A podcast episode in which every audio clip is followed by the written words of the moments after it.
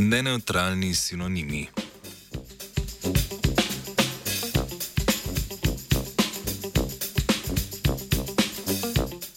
Mutacije v genih, ki kodirajo proteine, lahko spremenijo aminokislinsko zaporedje proteina in tako vplivajo na njegovo učinkovitost in posledično uspešnost razmnoževanja organizma oziroma njegov fitness.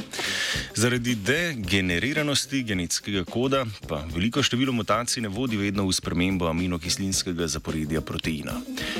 Raziskovalna skupina iz Michigana in Stanforda v novi raziskavi ugotavlja, da lahko takšne sinonimne mutacije v nasprotju z dosedanjimi prepričanji v veliki meri vplivajo tudi na fitness organizma in tako niso neutralne.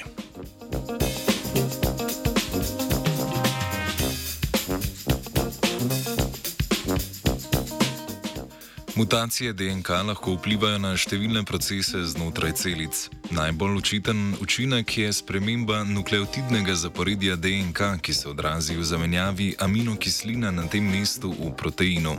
Takšna zamenjava lahko vodi v nefunkcionalen protein, ker se ta ne zvije pravilno in tako ne more več upravljati svoje biološke funkcije.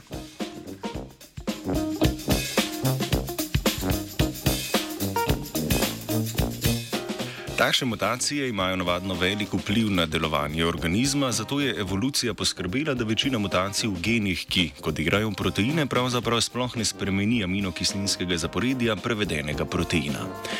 To doseže tako, da vsako aminokislino v proteinih kodira več kombinacij tri nukleotidov. Aminokislino glutamin denimo zapisujete tako kombinacija GA kot tudi GAG.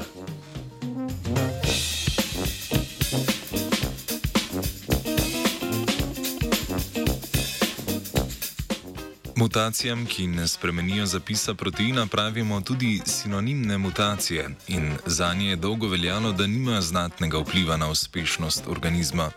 Raziskovalci so v novi raziskavi sistematično raziskali vpliv sinonimnih mutacij na dobro preučenih 21 genih iz kvasovke. S tehnologijo CRISPR-Cas so načrtno uvedli dva tipa mutacij. Takšne, ki spremenijo zaporedje proteina, in takšne, ki ga ne. Na to so primerjali učinke obeh mutacij in preverili, kako se katera izmed uvedenih sprememb prenaša v naslednje generacije.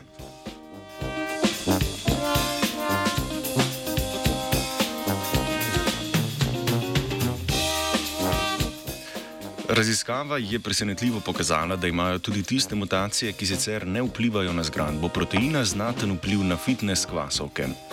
Geni z uvedenimi sinonimi mutacijami so se namreč prav tako dobro ali slabo prenašali v naslednje generacije kvasov kot tisti z nesinonimnimi mutacijami. Tako sinonimnih mutacij pravzaprav ne bi smeli smatrati za neutralne. Raziskovalci so nadalje poskušali tudi odkriti molekularni mehanizem opaženega učinka sinonimnih mutacij. Preverili so, ali mutacije vplivajo na količino izraženega proteina. Ugotovili so, da tako imenovane, oziroma tako sinonimne kot nesinonimne mutacije v podobni meri vplivajo na količino prepisane MRNK.